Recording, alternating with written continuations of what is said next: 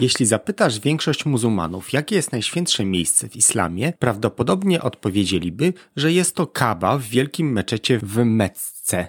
Pytaj Żydów, jakie jest najświętsze miejsce w judaizmie, a prawdopodobnie odpowiedzieliby, że jest to ściana płaczu w drugiej świątyni w Jerozolimie. Zapytaj większość chrześcijan, jakie jest najświętsze miejsce w chrześcijaństwie, a możesz otrzymać puste spojrzenie lub co najmniej kilka różnych odpowiedzi. Przez większą część chrześcijaństwa istniało jednak jedno miejsce, które było powszechnie uznawane za najświętsze miejsce i było przyczyną wojen i nieporozumień, które trwają do dziś. Dowiedz się więcej o Bazylice Grobu Pańskiego w tym odcinku Wszystko Wszędzie.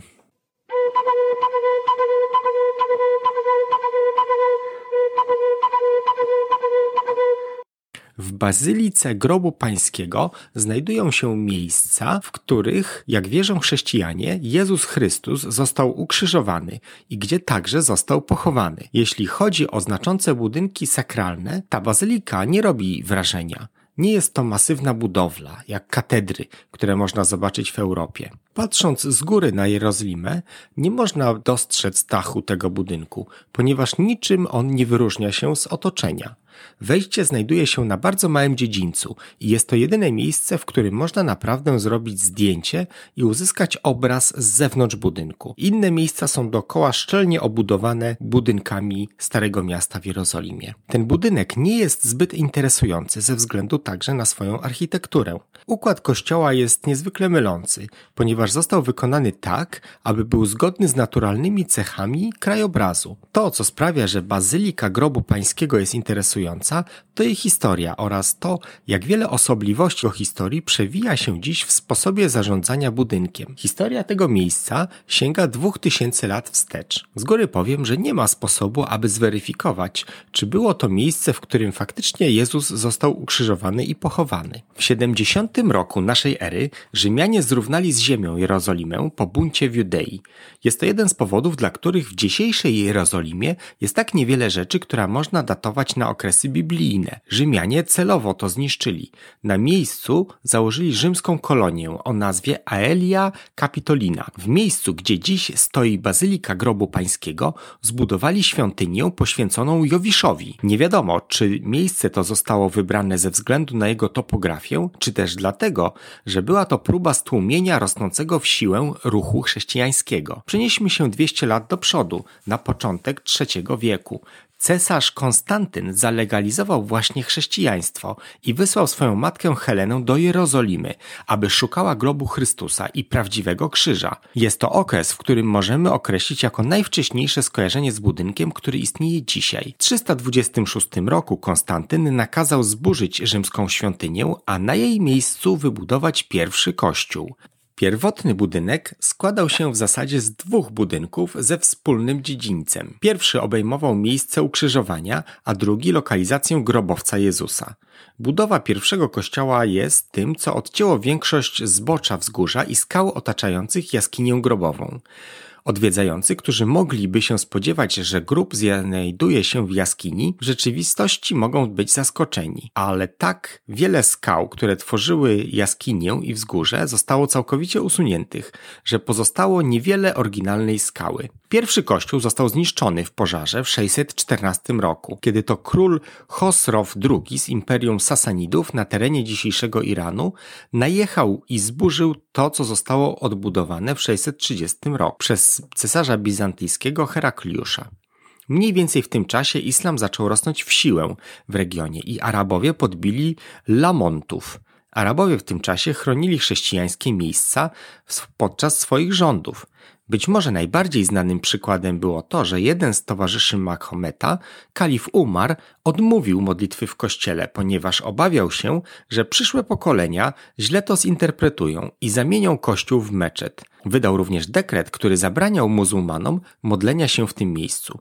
Muzułmańska ochrona tego miejsca została zniesiona w 1009 roku, kiedy kalif al-Hakim bi-Amr z kalifatu Fatymidów nakazał zniszczenie kościoła. Nie tylko budynki zostały całkowicie zburzone, ale także usunięto większość skał, które nie zostały wydobyte z początkowej budowy w 326 roku. Budynek, który stoi do dziś, został zbudowany cztery dziesięciolecia później, w 1048 roku. Cesarstwo Bizantyjskie negocjowało z kalifatem Fatymidów odbudowę kościoła i Cesarstwo Bizantyjskie, a w zasadzie Konstantyn IX przeznaczyło fundusze na odbudowę kościoła i w ramach umowy zezwoliło na otwarcie meczetu w Konstantynopolu. Odzyskanie bazyliki grobu pańskiego było jednym z powodów pierwszej krucjaty. Żadna krucjata nie była uważana za zakończoną, dopóki krzyżowiec nie oddał czci w kościele.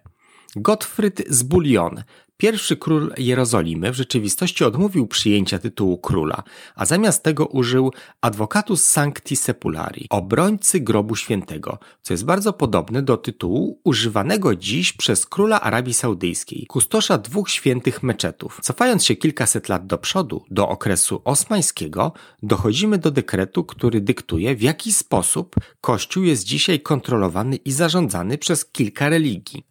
W 1757 roku cesarz osmański Abdulhamid Pierwszy wydał tzw. Tak dekret status quo. Zadeklarował, że kontrola nad chrześcijańskimi miejscami kultu religijnego zostanie zamrożona do poziomu z tamtego okresu.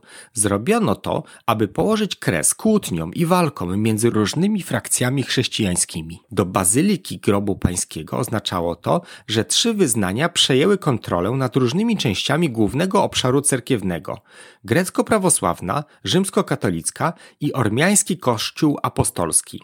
Grecki Kościół prawosławny kontroluje największą część, ponieważ Grecja była częścią Imperium Osmańskiego i miała największe wpływy. We wszystkich trzech kościołach można codziennie odprawiać msze w głównej rotundzie na zewnątrz grobowca. Istnieją jeszcze trzy inne kościoły, które mają kontrolę nad innymi, mniejszymi częściami kościoła. Egipski kościół koptyjski, etiopski kościół ortodoksyjny i syryjski kościół ortodoksyjny. Należy zauważyć, że żaden kościół chrześcijański nie posiada kluczy do drzwi wejściowych do budynku. Od 1192 roku klucze do drzwi wejściowych znajdują się w posiadaniu muzułmańskiej rodziny, zgodnie z dekretem sułtana Saladyna. Miało to również zapobiec walkom pomiędzy grupami grupami chrześcijańskimi i robi się tak do dziś – jeżeli będziesz w Jerozolimie i wstaniesz wcześnie rano, to zobaczysz, jak mężczyzna z muzułmańskiej rodziny palestyńskiej, który trzyma klucze, otwiera drzwi dla wszystkich chrześcijańskich i katolickich mnichów. Dekret o status quo był respektowany przez Osmanów od samego początku, a także przez kolejne reżimy kontrolujące Jerozolimę, w tym Brytyjczyków, a dzisiaj Izraelczyków. Dekret o status quo był dobry i zły dla Kościoła. Z jednej strony ograniczył konflikty między różnymi grupami chrześcijańskimi, z drugiej zaś strony wszystkie grupy chrześcijańskie są zablokowane w dysfunkcyjnym zarządzaniu, ponieważ wszyscy muszą się zgodzić, aby cokolwiek zrobić w kościele. Jednym z symboli jest nieruchoma drabina, która znajduje się za oknem na parapecie nad głównym wejściem do kościoła. Drabina ta znajdowała się tam co najmniej od 1728 roku i została zamrożona na mocy umowy status quo w 1757 roku. Najwcześniejsze znane fotografie kościoła pokazują drabinę dokładnie tam, gdzie znajduje się dzisiaj. Innymi, znacznie większymi problemami był zrujnowany stan kościoła. Ponieważ wszyscy muszą się zgodzić na remont, bardzo trudno jest cokolwiek zrobić. W rezultacie prawie tysiącletni budynek ma poważne wady konstrukcyjne, które pozostały nierozwiązane przez dziesięciolecia, a nawet stulecia. W szczególności rozpada się rdzeń, przybudówka, czyli mała kapliczka pod główną kopułą, która przykrywa grobowiec. Izraelska Komisja Starożytności uznała konstrukcję za niestabilną, co zmusiło kościoły do podjęcia rokowań, działań i renowacji. W 2016 roku zespół z Uniwersytetu w Atenach i National Geographic dokonał tam zaskakujących odkryć, w tym inskrypcji na skalę podstawowej, która przez wieki była zakryta wypełnieniem i marmurem. Inskrypcje te na skalę wskazują, że było to miejsce uważane za grób Jezusa co najmniej od czasów cesarza Konstantyna i że od tamtego czasu pozostało ono nieprzeniesione. W wyniku remontu oczyszczono grobowiec, usunięto ponad stuletni stary świecznik, a ściany zostały wzmocnione. W bazylice grobu pańskiego nie wszystko jednak jest idealnie. W 2008 roku doszło do dwóch różnych walk na pięści pomiędzy mnichami z kościoła greckiego i ormiańskiego. Najwidoczniej jedna z bujek wybuchła, gdy ktoś przesunął krzesło o kilka centymetrów za daleko. Kiedy wezwano policję, Ci również zostali zaatakowani przez mnichów. Niektóre z walk zostały uchwycone na wideo i są dzisiaj dostępne na YouTubie. Jeżeli jesteś zainteresowany oglądaniem przemocy mnichów i walk ich na gołe pięści. I tak zbliżamy się do konkluzji dzisiejszego epizodu.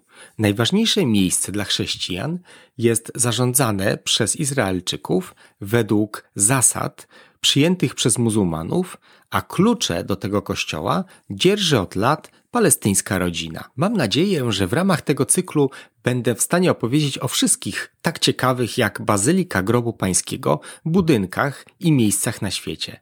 Zapraszam więc na następne odcinki. Bądź ciekawy!